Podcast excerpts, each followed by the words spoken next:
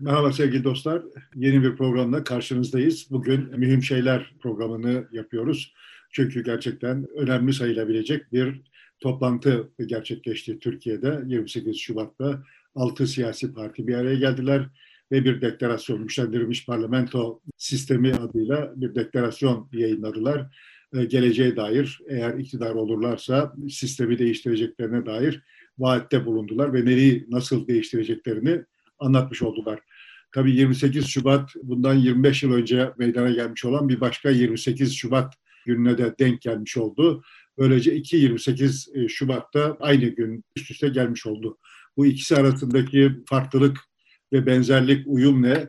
Bu sembolizmin manası ne oluyor? E, biraz da onun üzerine e, konuşup oradan da belki bir 28 Şubat değerlendirmesi de yaparız. 97'deki Milli Güvenlik Kurulu'nun uzun 9 saati aşkın galiba toplantısını 28 Şubat olarak değerlendiriyoruz.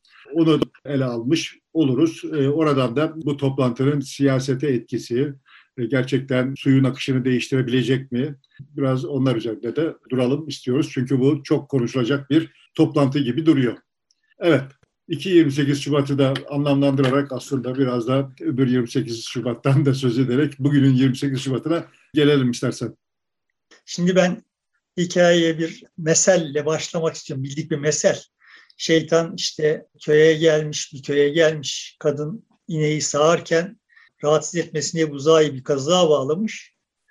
Şeytan kazığı yerinden oynatmış. Buzağı işte annesine doğru koşmaya hevesiyle asılınca kazık yerinden çıkmış. Annesine doğru gitmiş. O sırada işte kadının sağdığı sütün kovasına çarpmış, süt dökülmüş, kadın kızmış, yerdeki taşı almış, buzağının kafasına vurmuş, buzağı ölmüş. Buzağın öldüğünü gören adam, yani kadının kocası yerden aldığı taşı kadına fırlatmış, kadın ölmüş. Bunun üzerine kadının ailesi gelmiş, damadı öldürmüş, damadın ailesi kadının ailesine savaş açmış filan falan bütün hikayeyi seyreden bilge biri de şeytana yine yapacağını yaptın demiş. Şeytan da ben ne yaptım ki ya hiçbir şey hepsini herkes kendi yaptı demiş. İşte o da kazığı oynatmasaydım bütün bunlar olmayacaktı demiş. Bildik bir mesel. Neyi anlatıyor? Yani işte böyle olaylar çizgiseldir. Bir yerde bir başlangıç noktası vardır. Bir fesat oyuncu vardır ve işte bir şey yapar. Ondan sonrası artık engellenemez. Böyle zincirlemeye gider. Yani o kötülüğü en başında bulup da engellersen bütün bunlar olmayacaktı filan falan gibi bir dünya tasavvuru varsayımıyla anlatılan bir mesel bu. Benim de kendimi inşa etmeye başladığım tarihlerden itibaren kendisiyle mücadele ettiğim dünya tasavvuru bu. Benim yani aydınlanma haklı diye geldiğim şeyin önemli varsayımlarını içinde barındıran bir mesel. Ya şöyle hikayelendirebilirim yani. Eğer kadın buzağının koşup işte sütü dökmesinin üzerine deseydi ki yani işte buzağının başını okşayıp anneni mi özledin işte acıktın mı filan deseydi yani işte ne olacak ki bir kova süt işte kazadır oldu deseydi bütün bu hadise olmayacaktı yani şeytan kazı oynatmış olduğu halde bu hadise olmayacaktı orada duracaktı. Yok eğer adam karısına ciddi bir muhabbeti olsaydı ulan bir, bir buzağı için karıya taş mı atılır diyecek bir adam olsaydı, adam öyle bir adam olsaydı yine hadise orada duracaktı. Ve böyle zincirleme sayabilirim yani şurada şu olsaydı olmayacaktı filan falan.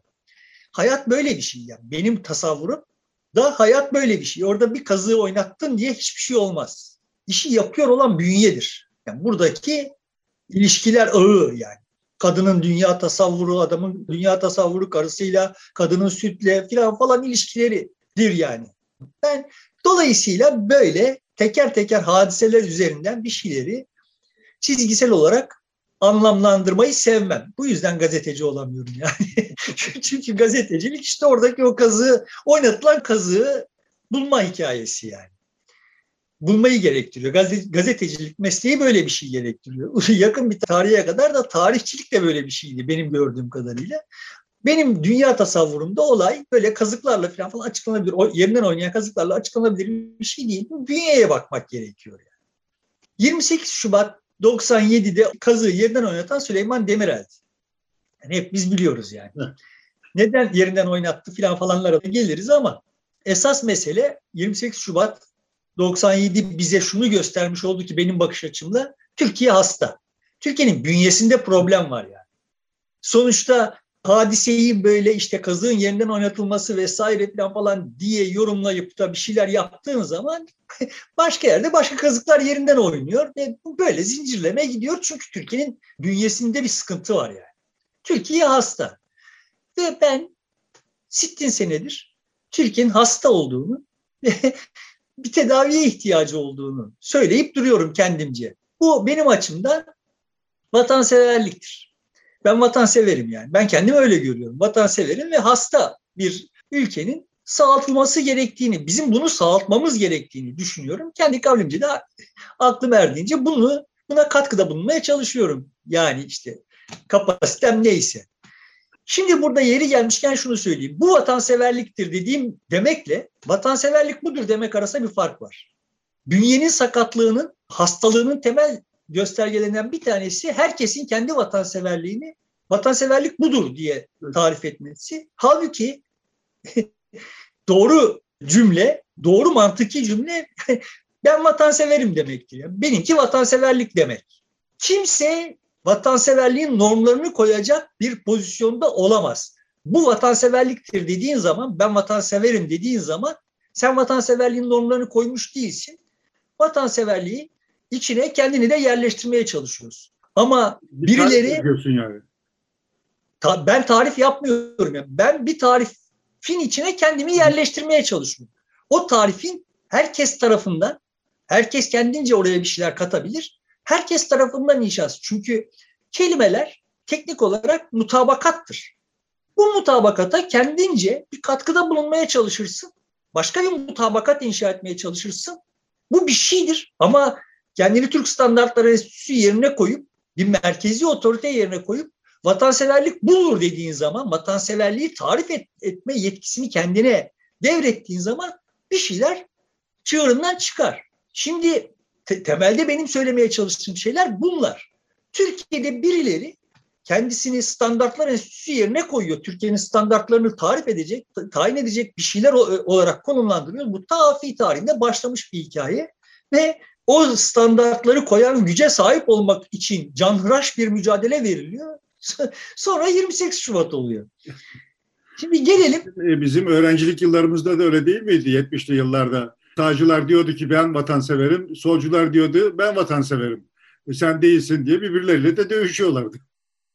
Evet ya şimdi bizim bize öğretilmiş olan, mekteplerde öğretilmiş olan şey şu yani.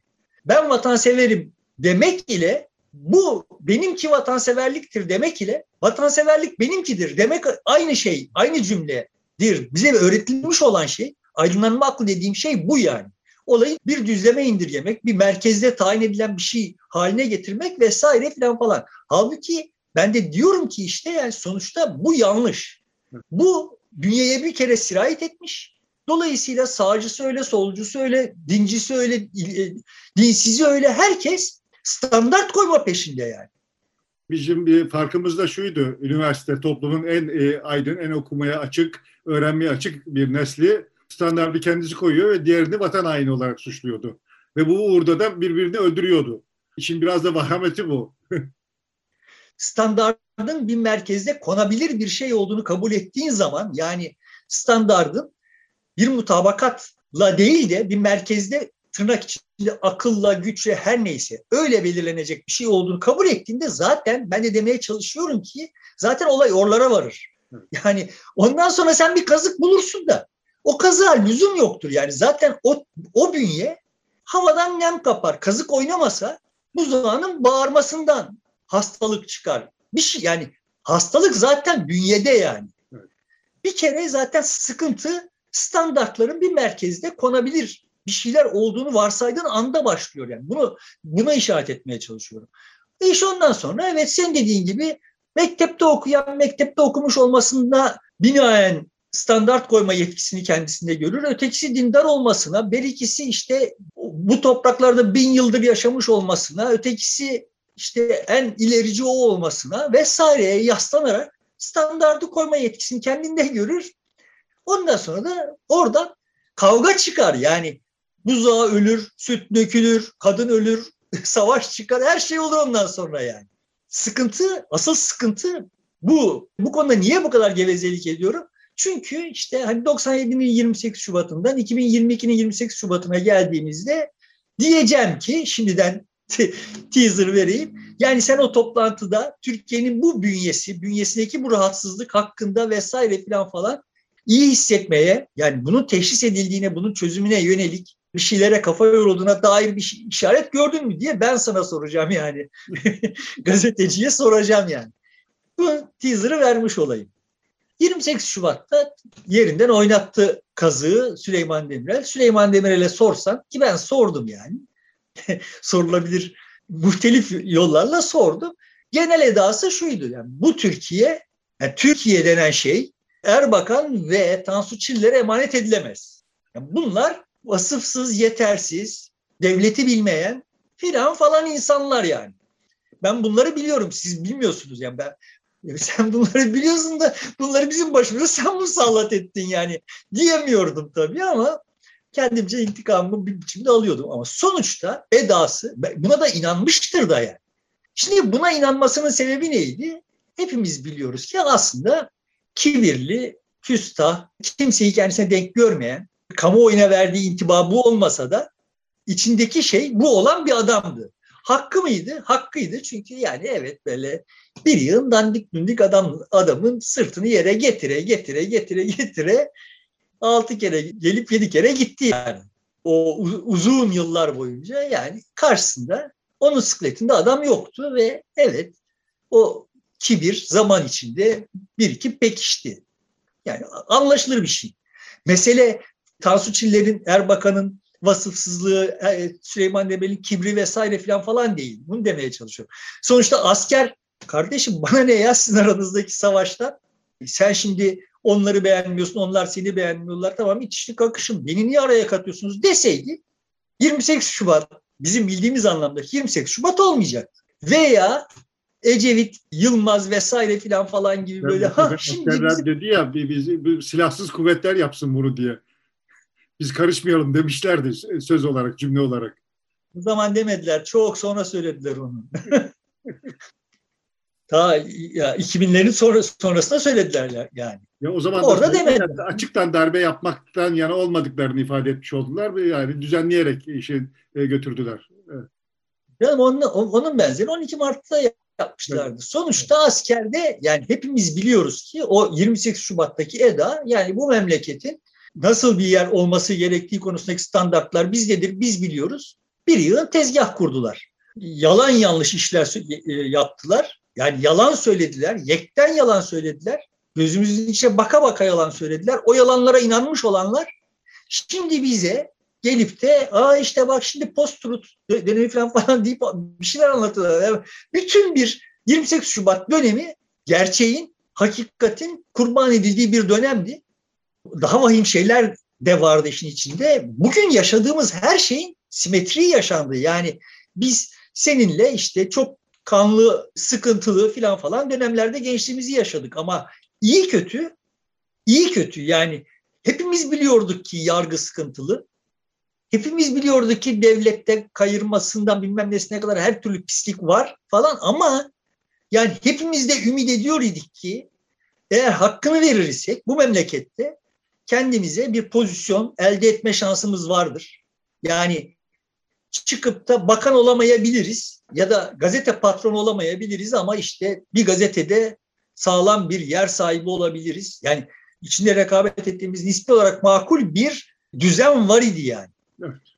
Zan üzerinden keyfi olarak birileri bizim hayatımızı karartamaz gibi bir inancımız vardı. 28 Şubat'ta bu inanç ortadan kalktı. Yani ne oldu? Kadın eli sıkmıyor diye kaymakam yani bir istihbaratla görevden el çektirildi. Filan yani şimdi böyle bütün kamuoyu 28 Şubat'ı destekleyenler de dahil bütün kamuoyunu aslında sistemin adil ve işte kurallara uygun bir sistem olduğuna inancı ortadan kalktı. Dolayısıyla o ortadan kalktığı için bugün bunlar mümkün yani. Bugün o sayede İçişleri Bakanı sağda solda afra tafrayla işte bir takım zanlar uyandırarak birilerini vatan haini itham olarak itham etme lüksüne sahip oluyorum. Bunlar 28 Şubat'ta icat edildi. Türkiye'de her zaman bir takım vatan hainliği şeyleri vardı. Bu kurumsallaşmıştı falan falan ama böyle tamam şimdi şu teşkilata mensup olanlar vatan ya da şu düşünceye sahip olanlar vatan hainidir denebiliyordu Türkiye'de ama benim o teşkilata mensup olduğumu ispatlamak gibi bir yükümlülüğü vardı devletin hiç değilse yani. E şimdi öyle bir yükümlülük yok yani. Diyor ki işte adam kafasına göre FETÖ'cüsün sen. E nereden çıktı? Yani öylemişsindir ben öyle düşünüyorum yani. Çünkü şurada şöyle demiştim filan diye başlıyor. Ya da işte şu son milletvekilini fezlekesi gibi ya sen orada bir fotoğrafın var diye başlıyor ya. Ama bak fotoğrafı olan başkaları da var diye demenin bir faydası yok. Keyfi olarak ve işte kişiye özel, şahsa özel uygulanıyor olan kurallar 28 Şubat'ta şey oldu ya. Mesela Neden oldu? 1 Şubat'ta hükümette görev yapan, e, başbakan yardımcısı olan, koalisyon ortağı olan Tansu Çiller tam da 28 Şubat'ı 25. yıl dönümünde e, bir demeç verdi. Orada da e, bu başkanlık sisteminden e, ayrılmak, parlamenter sisteme geçmeyi önermek ihanettir, hainliktir dedi mesela. Tansiyon falan geliriz. Bu, bu 28 Şubat'a da geliriz. Şu eski bir 25 Herhalde önceki 28 bunu, 28... bu, siyasi bir tartışmayı bile hemen hainlikle damgalamış oldu. İşte ama bunların hepsi 28 Şubat 97 ile başladı. Bunu demeye çalışıyorum. Orada işte bu mesele vatan ise gerisi teferruattır edasıyla standart koyma herhangi bir konuda müzakere ihtiyacı duymama, mutabakat ihtiyacı duymama, standart koyma şehvetiyle herkes tepeden tırnağa zehirlendi. Oraya kadar vardı bu ama bu kanser olarak bütün hücrelere 28 Şubat 97'de yayılmaya başladı. Dolayısıyla bugün yaşadığımız şey yin annesi 28 Şubat'tır yani. Dolayısıyla hani bin yıl sürer mi bilmiyorum ama 25 yıl sürdü yani 28 Şubat farklı öznelerin elinde. Şimdi o 28 Şubat'ta olup bitenlere alkış tutanlar burada böyle caz yapıyorlar ve ben hani böyle şey içine kalıyorum yani çaresizlik içine kalıyorum yani kardeşim bunlar yapıldı ve alkış tuttunuz.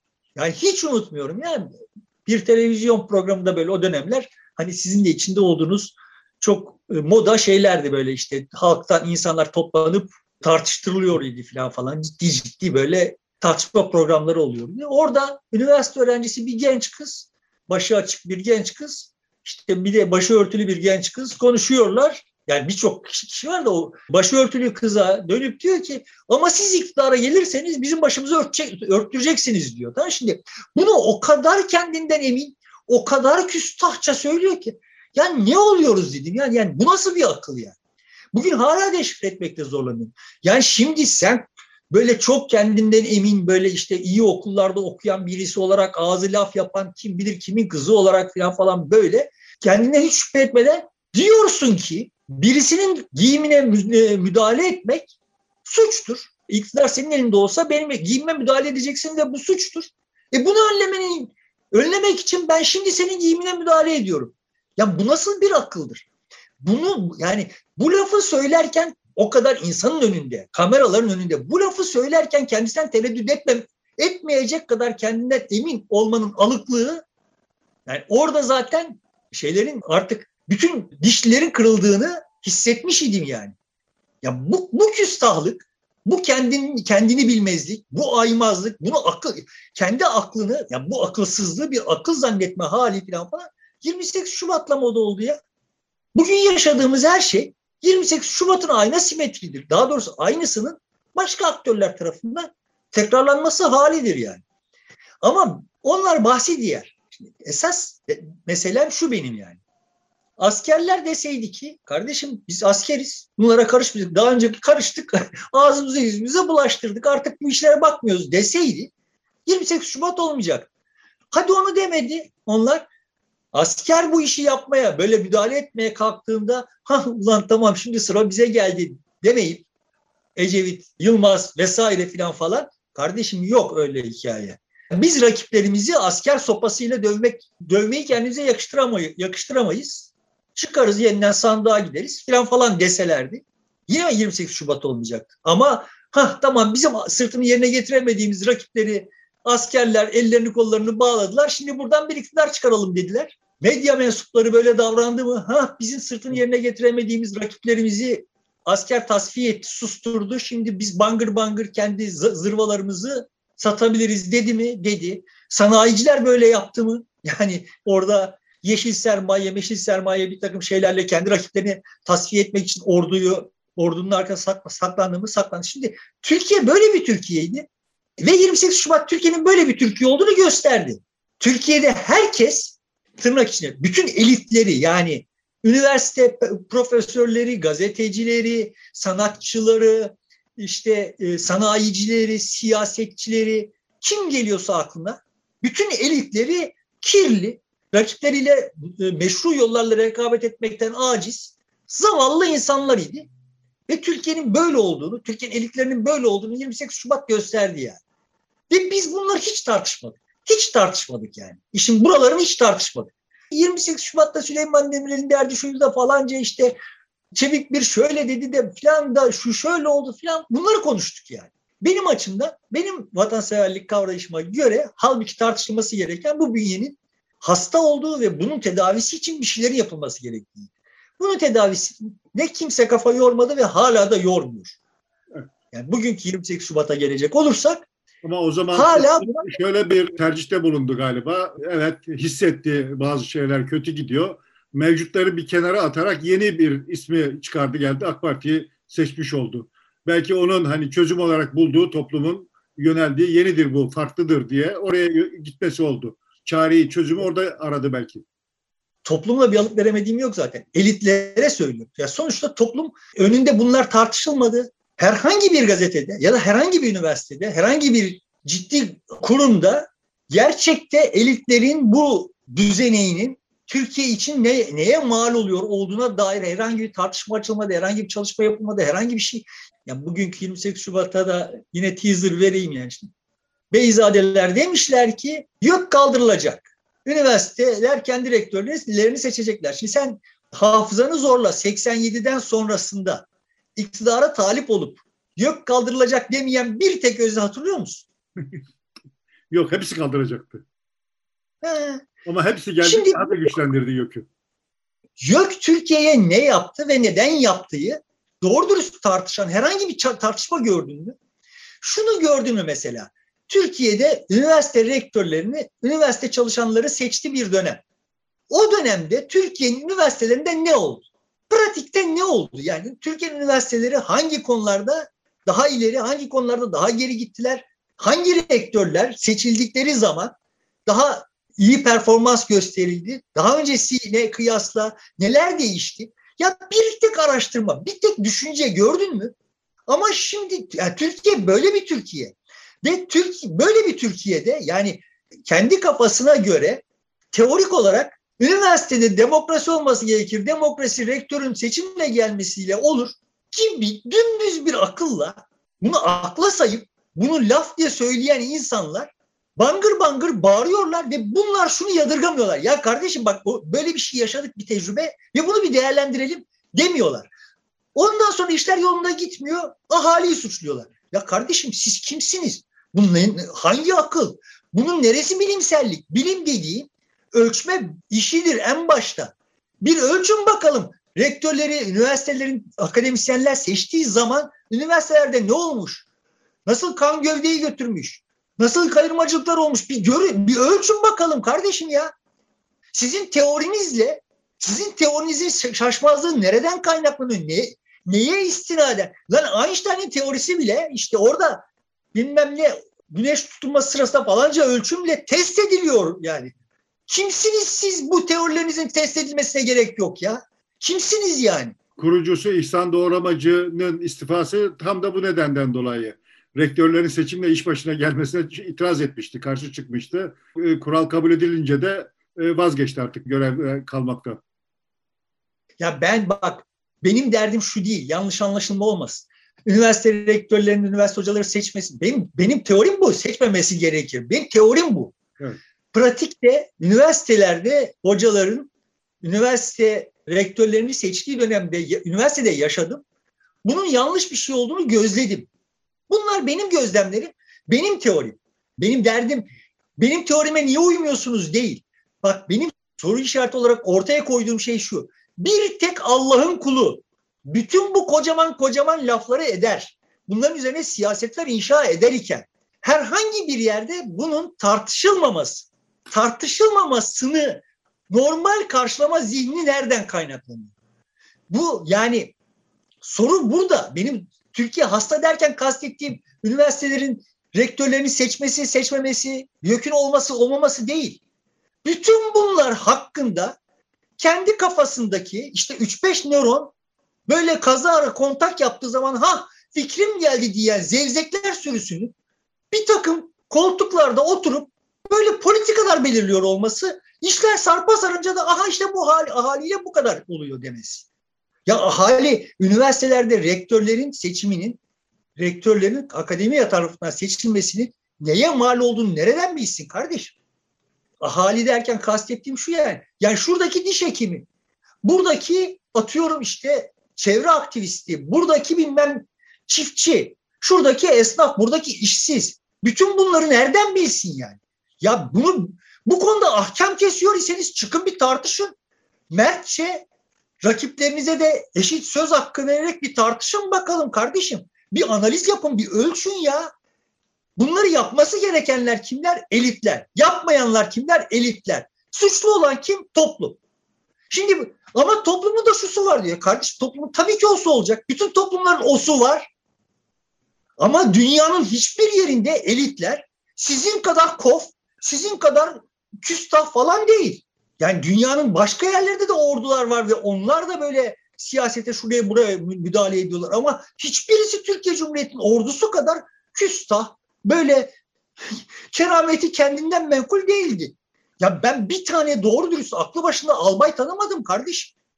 Ne oluyor ise o harp okuluna girildiğinde yani her şeyi onlar biliyorlar. Yükü kaldırılması gerektiğini onlar biliyorlar. Yükü onlar koruyorlar. Böyle absürt bir hal var ve sonra kamuoyu araştırması yapılıyor. Yani işte hangi kurumlara ne kadar güveniyorsunuz diye ölçülüyor. Genel kurmayın ya ordunun güven şeyi yüksek çıkıyor. Bak gördün mü işte ama toplum bize güveniyor. Lan toplum size yarın öbür gün başımıza bir işgal falan falan gelecek olursa ona mani olabileceğiniz konusunda güveniyor. Gelip de imam hatiplerin kapatılması konusunda güvenmiyor. Memleket yönetmek konusunda güvenmiyor. Zevzek yani. Şimdi diyelim ki Diyanet İşleri'ne de çok güveniyor toplum. Yani toplumun geniş kesimleri oransal olarak Diyanet İşleri'ne çok güveniyor. Bu şimdi gelip de Türkiye'nin ekonomi politikasını Diyanet İşleri yapsın manasına mı geliyor yani? Bunlar akıl diye böyle üstümüze kusanlar bu mevzuyu önemsiyorum. Neden önemsiyorum? Son dönemde Ukrayna-Rusya krizi de üzerine benzin döktü. Amerika'da ciddi ciddi şey tartışmaya başladı. Bu Haydt'ın kitabını falan falan da gündeme getirmeme sebeplerinden bir tanesi de oydu yani. Liberal kibir diye bir kavram giderek daha yoğun olarak dolaşıma giriyor. Liberal dediği aslında hani Amerikan solu. Yani aslında kast, kastettiği işte New York Times, Hollywood, Pentagon vesaire sonuçta seçkinler yani. Evet. Yani sonuçta toplumda herhangi bir kararı etkileye, etkileme gücüne sahip olanların kibrinden söz ediyor. Yani Trump hadisesi ile birlikte aklı başına gelmiş az sayıda liberal seçkin, kendileri gibi olmayan liberal seçkinlere liberal kibir etiketi yapıştırıyorlar ve bu Ukrayna hadisesinde falan falan dediğim gibi hani bunları da hafta sonu konuşuruz herhalde. Çok üzerine benzin dökülmüş gibi harlandı yani olay. Şimdi Türkiye'de böyle bir tablo var yani bir liberal kibir var. Tekrar söyleyeyim burada bu liberal dediklerimiz hiçbirisi liberal de değil yani. Bunlar neredeyse işte önemli bir bölümü solcu, kendini solcu görüyor. Diğerleri ulusalcı, kimileri milliyetçi, kimileri dinci falan falan. Ama net toplamda karar verme gücünü elinde bulunduruyor olan kesimlerden söz ediyorum ben. Bu kesimler böyle bu burunları kaftağında her konuda bir şeyleri söylüyorlar. Ol deyince olacak zannedecek kadar saf budalalar. Olmuyor. Ve olan biz, bizde bir kusur vardır demedikleri için, diyemeyecekleri için ya bu toplumda bu kadar oluyor diyorlar yani. Yani biz çözmüştük problemi de toplum bozdu yani. Türkiye'de Hani şimdi 28 Şubat'ın muhasebesini, 25 yıl önceki 28 Şubat'ın muhasebesini şöyle kapatayım. Sonuçta daha önce defaatle söyledim. Türkiye vasıfsızların vasıfsızlığın cenneti. Bunu en çok Süleyman Demirel'e borçluyuz. Çünkü onun döneminde bu vasıfsızlık bu kadar yaygınlaştı vesaire falan diye kendimce fikirlerimi söylemiş idim yani. Ama Türkiye bir vasıfsızlar cenneti. Bu vasıfsızların herhangi birisinin herhangi bir dizgini olmadığı için çünkü devlet hep kendince makbul vatandaşların yanında yer aldığı için makbul vatandaş olmanın kodları üç aşağı beş yukarı çok basit olarak belliydi. Bunu Yılmaz Özdil aslında net olarak itiraf etmiş idi yani. Şöyle bir yazı yazmıştı. Atatürk şapkayı kanunlaştırırken aslında şapkayı görünce altındakini göreceğini bildiği için yapmıştı işte. Konuştuğu zaman şapka kimin kafasındaysa onun sözünün makbul olduğunu anlıyordu filan gibi böyle aklınca işte ben de demişim eğer senin dediğin gibi ise Atatürk'ü fena halde tufaya getirmişlerdir. Çünkü Atatürk öyle akıl ediyor ise herkes şunu anında akıl eder. Ha bu adam üstüne şapka olan kafayı değil hemen kafasına şapkayı geçirir.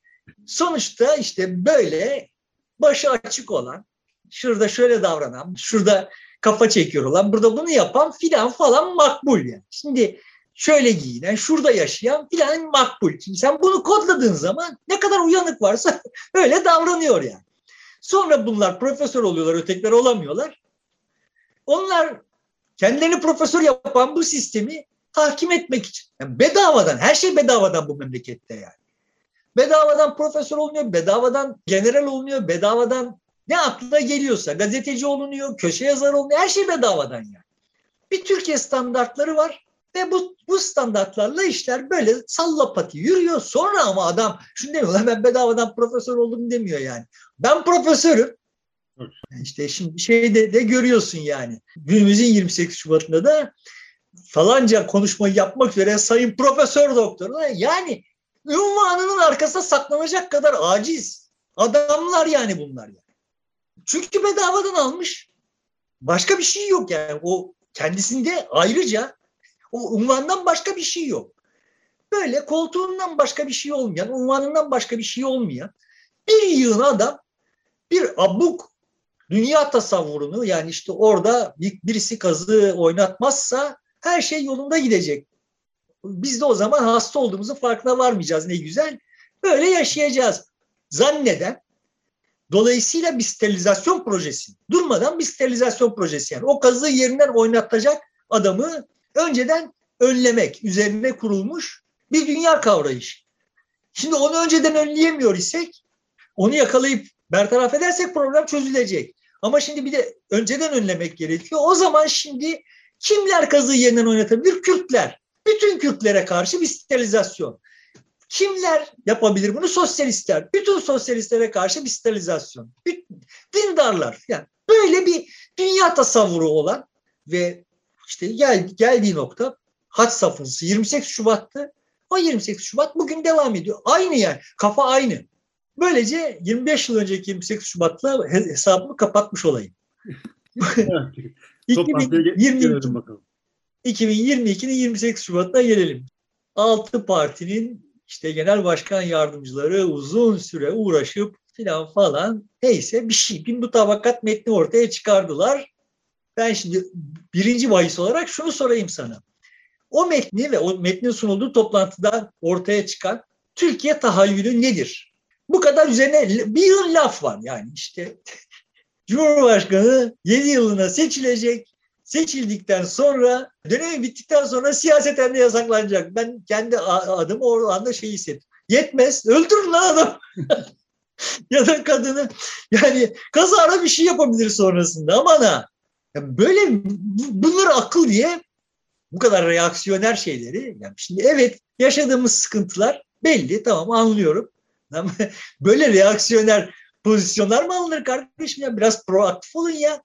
Bu kadar reaktif davranılır mı yani? Neyse şimdi daha neler var yani böyle abuk sabuk.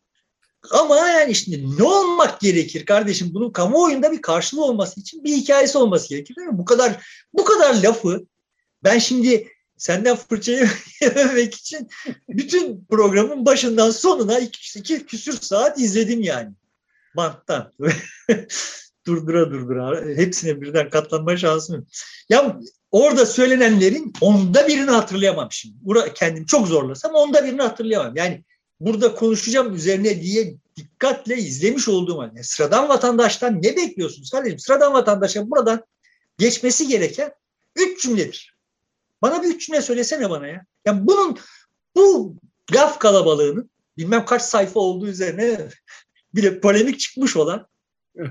Ya sanki sayfa sayısı artınca değeri artıyormuş gibi falan falan böyle bir şekilde sunuluyor, sunulmuş olan o hadisenin net bakiyesi, Türkiye'ye vaadi nedir kardeşim? Bana bir gazeteci olarak söyle bakalım. Sistem, sistemi değiştireceğini söylüyor. Cumhurbaşkanlığında parlamenter sistemi geçeceğini söylüyor ama bunu zaten önceden söylemişti, biliyorduk. Yeni bir şey değil bize. E bunu nasıl yapacağına dair bir çerçeve bize sundu ama dediğin gibi hakikaten dönüp dönüp baktık e, ben de baktım. E, şimdi e, say desen o 23 maddeyi ben de sayamam doğru dürüst. İşte bir baraj inecek, partilerin alacağı yardım parası için yüzde bir olacak, oy aldığı oy, HSYK'nın yapısı şöyle olacak filan gibi ayrıntılara giren bir metinden söz ediyoruz. Yani ben şimdi şöyle bir hissiyata kapıldım yani mecliste şöyle bir komisyon kurulacak o komisyonun başkanı da muhalef, ana muhalefet partisinden olacak falan kadar girmişler. Geride ne kalmış? Ekonomi kalmış. Yani Kürt meselesi hakkında konuşamayacaklarını anlıyoruz. Konuşmayacaklar. Türkiye'nin Kürt meselesi seçime gidene kadar böyle bulutların arkasına kalacak. Tamam. Şimdi şunu anlamış olduk yani. Bu altı parti bu teferruata inene kadar Türkiye'nin istikbali hakkında teknik anlamda mutabık kalacak kadar birbirinden farksızmış. Demek ki aralarındaki bütün fark ekonomi politikalarıymış. Şimdi ekonomi politikalarını açıkladıkları zaman bu kafayla açıklarlarsa göreceğiz ki o fark da yok. O zaman niye altı ayrı parti varmış? Kardeşim yani sizin üzerinde mutabık kalabileceğiniz böyle teferruatlar olabilir mi ya? Bu teferruata inilebilir mi yani? Siz eğer bu kadar teferruatta birbirinizle mutabık kalabiliyorsanız dediğim gibi yani niye ayrı partilersiniz? E zaten birlikte hareket ediyorlar şimdi. Giderek de bir, ya bak, bir şey, ittifak oluşturmuş olacaklar birbirinden farklı partiler ittifak yapabilirler. Tamam mı? Yani sonuçta birbirlerinden farklıdırlar ve ittifak yapabilirler. İttifak yapıyorlar diye bu teferruatta neyi anlaşamıyoruz? sonuçta ittifak yapıyor olmaları birbirlerine aynılaşmaları anlamına gelemez yani. Ve bu metin gösteriyor ki olmayacak teferruatlarda bile birbirlerinin aynı noktaya gelmişler. Yani bu teferruata inilemez. Demeye çalıştığım şey bu. Muhtemelen, bu teferruata e, bunlar anlaşamazlar, anlaşamıyorlar. Zaten farklı, birbirlerine benzemez e, kişiler. Altı benzemez bir araya geldi baskısına cevap olarak bak bu bu kadar ayrıntılarda bile anlaştık. Biz anlaşabiliyoruzu göstermek için muhtemelen böyle çok teknik ayrıntılara girilmiş gibi gözüküyor. Ben de bu, böyle yorumluyorum. Ben de anlıyorum şimdi. Evet bunlar bir araya gelemezler, gelseler bir arada duramazlar vesaire falan falan gibi bir stres altındalar ve işte bir şeyler yapmaları gerekiyor. Aslında hayal ettikleri Türkiye şöyle bir Türkiye. Kardeşim bak biz eğer elleşirsek, biz bu işe müdahale edersek, bu siyasette siyaset yaparak girersek bu hükümetin ömrünü uzatacağız. Çünkü biz o kadar beceriksiziz. Ya da kamuoyunda o kadar karşılığımız yok yani. Kamuoyundan o kadar uzağız ki biz eğer sahneye çıkarsak kamuoyu yine bu iktidarı seçecek. Dolayısıyla biz bu işe elleşmek istemiyoruz. Çünkü biz elleşmezsek bunlar düşecekler. Nereye düşecekler? Bizim kucağımıza düşecekler. Dolayısıyla biz aslında hiçbir şey yapmak istemiyoruz. Ama hiçbir şey yapmadığımız zaman da hiçbir şey yapmıyor olmak yüzünden baskı altına kalıyoruz. Dolayısıyla bir şey yapıyor görünmemiz lazım. Benim gördüğüm hal bu. Ben böyle görüyorum. Uzun süredir tabloyu böyle görüyorum. Şimdi tamam o zaman ya kardeşim bak bu durumda bunu doğru dürüst akıllıca yönetebilecek kadar kafanız çalışmıyor ise ya bırakın yani bırakın koltuklarınızı gidin ya.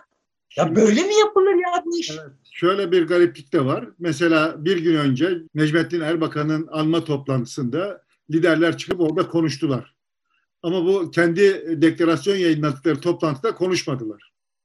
Niye? Konuşursak belki denge bozulur, birbirimize düşeriz endişesi mi vardı? Ya da toparlayamayız diye mi? Niye konuşmadılar? Bu önemli bir soru. Teknik açıklamalar yapıldı o kadar. metni dağıt, sen liderler konuşsun. İlla onu tek tek okumasının bir gereği yok. Baktığımızda mesajı çünkü en iyi mesajı kim verir? Lider verir. Onun için liderdir. İkincisi gene Erbakan'ın anma toplantısında HDP'nin temsilcisi orada konuştu ve konuşması da alkışlandı herkes tarafından. Ama burada mesela HDP de yoktu. HDP'nin olmadığı gibi HDP'nin konusu da yoktu. Kürt konusu da yoktu konuşulan. İşte kayyumlar falan falanla geçiştirdiler yani. Evet, bir kayyum cümlesi o kadar. O kayyum sadece Kürtleri ilgilendiren değil ki herkesi ilgilendiren bir konu. Yani genel başkanlar niye konuşmadı? Tekrar aynı noktaya. Konuşursak bozacağız kardeşim. Yani şimdi zaten kendi kendine gidiyor olan bir iktidar var ve bu iktidarın gidişini bugüne kadar daha önce de gidecekti bu iktidar ama biz oyuna girdiğimiz için vatandaş bize bakınca bu iktidarı seçti. Şimdi biz görünmeyelim. Aslında dertleri bugün mümkün olsa kapatalım kepenkleri tamam mı? Ve seçime kadar kapalı kalsın. Hiç kimse bizi görmesin, bizi konuşmasın. Sonra seçime gidilsin. Vatandaş bu iktidardan çektikleri yüzünden bu iktidarın karşısında kim varsa yani biz varız bize oy verecek. Şimdi bizim siyaset anlayışımız bu yani. Siyaseti okuma biçimimiz bu. Ama yani işte orada da kendini bilmez birileri var. Ya kardeşim sizin planınız ne, programınız ne, memleket insanına vaadin, vaadiniz ne filan falan diye soruyorlar. Başkan adayınız kim olacak diye soruyorlar. Lan şimdi bu olgunlaşmış meyve zarar görecek. Şimdi dolayısıyla işte böyle bir takım hinlikler, cinlikler yapalım filan. Ya memleket hasta kardeşim. Bak memleket hasta ve hastalık işte buralara kadar buralarda görünüyor yani. Bünye hasta. Bunun böyle işte orada yükü kapatacağız. Burada üniversitelere şu rektör seçimi şöyle olacak. Burada komisyon başkanı böyle olacak. Şurada abuk sabuk incir çekirdeğini doldurmayacak teferruatlar üzerinden filan böyle Anayasa şey, Mahkemesi'ne yani, seçilenlerin işte çoğunluğu hukuk mezunu olacağı kadar giden bir şey. Hiç yani. Bu, bu millet bunu kendisini böyle dolandırmaya çalışanlardan daha akıllı. Yani sen mülakat yapmayacağım dediğin zaman ha tamam kayırmacılık olmayacak bundan sonra filan falan gibi hayaller kurmayacak kadar tecrübeliyim. Son, sonuçta mülakat yapmayacak sorular vereceksin. Hıyar yani iktidara gelmişsin bir tane bir tane ya gerçekte yapabileceğin iş var kendi yandaşlarına iş alanı açmak devlet kadrolarına kendi yandaşlarını yerleştirmek. Bunu yapmak için ne gerekiyorsa yapacaksın. Bunu biliyoruz yani. Bu da buradan şeye geleyim. Daha önce sözünü etmiştim yani işte. KPSS diye bir hadise var Türkiye'nin başında.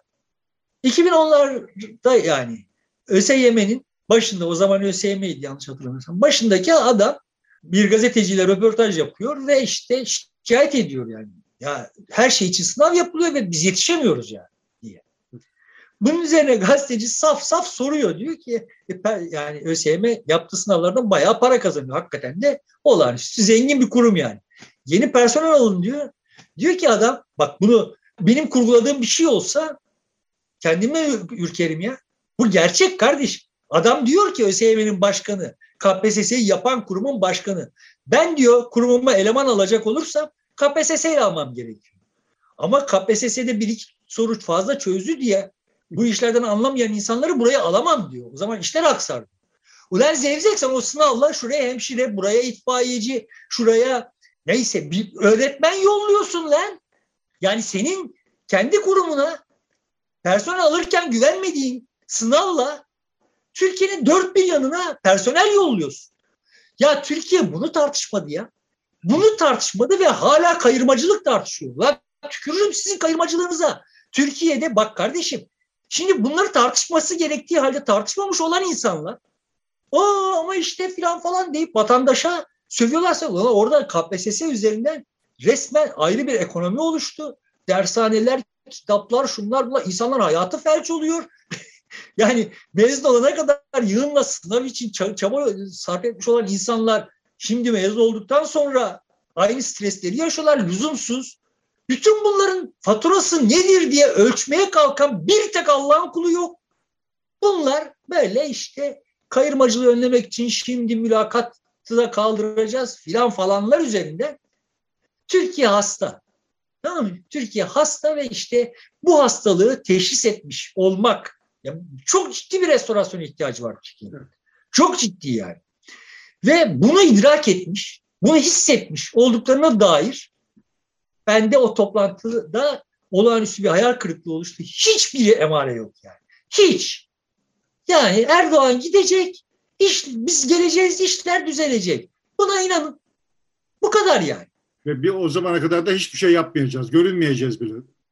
Elimizden gelse yapmayacağız. Şimdi sizin ısrarlarınız için arada bir çıkıp işte saz çalacağız filan falan. Orada genel başkan da oynatacağız.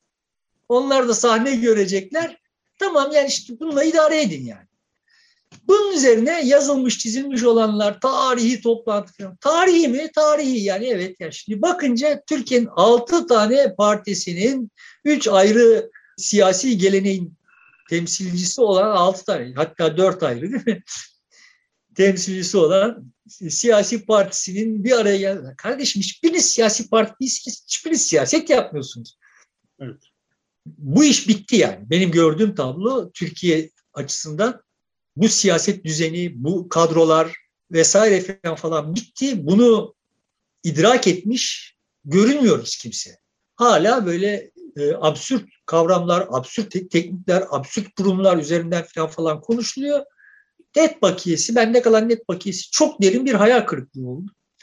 Ama tekrar söylüyorum yani bunu bile satın almaya çalışan her şeyden bir ümit çıkartmaya çalışan toplumun memnun kaldığı ya da topluma satılabilen tek şey altı liderin bir araya gelmiş olması, ortak bir metne imza atmış olmaları.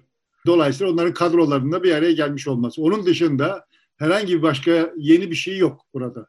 Gerçi o liderler başka vesilelerle de bir araya gelebiliyorlardı. Nitekim bir gün önce Meral Akşener hariç e, diğerleri hepsi Erbakan'ın e, anma toplantısında vardılar ve orada konuştular da. Evet, toplum sonuçta buradan bir iyimserlik falan falan çıkarıyor da değil yani.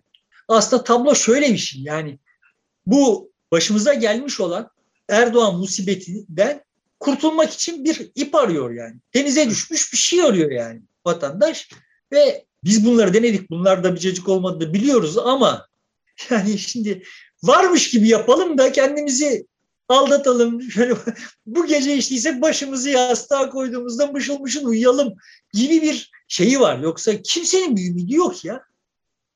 Evet. Ama işte böyle Erdoğan'dan kurtulma hayaliyle toplu vatandaş böyle okuyor. Bütün bu hikayenin içinde öyle veya böyle bir makam mevki kazanmış yani entelektüel bir seviye kazanmış olanlar da böyle Muharrem Sarıkaya anlatmış. Aslında altı genel başkan yardımcısının aynı anda sahnede oturacağı kürsüler kur, kurulması düşünülmüş de sonradan ama bunun müsamere gibi olacağını söylemiş genel başkanlar. Bunun üzerine işte sırayla çıkmalarına kadar yani böyle hani alternatifler varmış da bu alternatifler üzerine ciddi ciddi kafa yorulmuşlar falan gibi hikayeler, geyikler yazmak zorunda kalıyor yani. Neden? Çünkü işte Muharrem Sarıkaya'nın da kendisine hala gazeteci muamelesi yapılmasının sürdürülmesi gibi bir talebi var yani. Ve bu sistem çözülürse önce onlar gidecekler. Karşılığı olmayan kim varsa gidecek. Dolayısıyla herkes böyle can havliyle bu sistemi ayakta tutmaya çalışıyor. Bizim sadece Erdoğan'dan kurtulmamız yetmiyor. Yani bizim bütün bunlardan kurt bu mantıksız organizasyondan kurtulmamız gerekiyor yani. Orada gazetecilerin profili de bir enteresandı zaten. Ertuğrul Özkök mesela şimdi hiçbir yerde yazmıyor. Sadece kendi Instagram'ında yazıyor. Tansiyon mektuplar diye. O vardı mesela davet edilmişti. İktidarı izleyen onların medyasının Ankara temsilcileri çağrılmış e, ve çok sayıda gazeteci e, çağrılmıştı. Ama bunların büyük kısmı bizim geçmişten bildiğimiz e, aktörler ve bunlar bu e, kesimlerin tuttuğu, destek olduğu siyasi akımlar da mağlup olmuştu kaç defa. Şeyde bir de böyle de bir tablo var. Onlar oradalar. Ha, onların yerine kimi çağıracaklar o da ayrı bir mesele. Ortada başkaları da var mı? E, o da sorulabilir tabii. Nevşin Mengü var mıydı çağrılanlar arasında? E onlar da o ekol zaten, aynı ekolda. Hayır şah, şahsen var mıydı merak ettim yani. E, tam listeye bakmadım. E, galiba yoktu o. Emin değilim ya. Yani işte hani Nevşin Mengü, Cüneyt Özdemir falan falanın başlattığı tartışma da enteresan bu sürecin içinde de yani sonuçta bütün iplikleri nasıl çözülmüş olduğu Yaman'ın deliğe ne kadar küçük geldiği her halükarda görülüyor. Ve ya şimdi tam da burada bize şöyle dolu dolu üç cümleyle özetlenebilir. Bir bir şey söylenmesi gerekiyor yani. Üzerine mutabık kalınabilir. Yani bütün kendi farklılıklarınla üzerine mutabık kalınabilir böyle bir üç cümle var kardeşim. Var yani. Ben otursam tek başıma bir hafta kafa yorsam böyle bir üç cümle çıkarırım. Bu altı partinin altısının da alt, altına gönül rızasıyla imza atabileceği ve milleti hareketlendirebilecek seçime giderken evet tamam lan biz bunun için bu seçimde gönül rahatlığıyla bu iddia için bu vaat için gönül rahatlığıyla mührü basabiliriz diyebilecekleri üç cümleyi ben çıkarabilirim ya. İddia ediyorum yani. Benden çok daha yetenekli yığınla insan var. Ama böyle bir irade oyunu bildikleri oyunu bozacak. Bilmedikleri oyun yani acizler acizlikleriyle kazanmayı sürdürsünler istiyorlar. Yani ekstra bir akıl, ekstra bir çaba, ek, yani daha fareyi doğursun ama dağın daha doğurabilir olduğu ihtimali ki insanların aklına düşmesin yani. Yani insanlar sahiden de bu memleketin değiştirilebilir, yaşanabilir bir ülke haline getirilebilir olduğu falan falan gibi hayallere de kapılmasınlar. Yani bize razı gelsinler yani. Böyle akılları çelinmesin. Böyle bir durumdayız ya. Ya yazıktır ya. Ya şu Türkiye'nin şu geldiği halde böyle ağzını doldura doldura kardeşim biz buna müstahak değiliz ya diyebilecek. Bak dünya şöyle kaynıyor, şöyle riskler altındayız, şöyle fırsatlarımız var.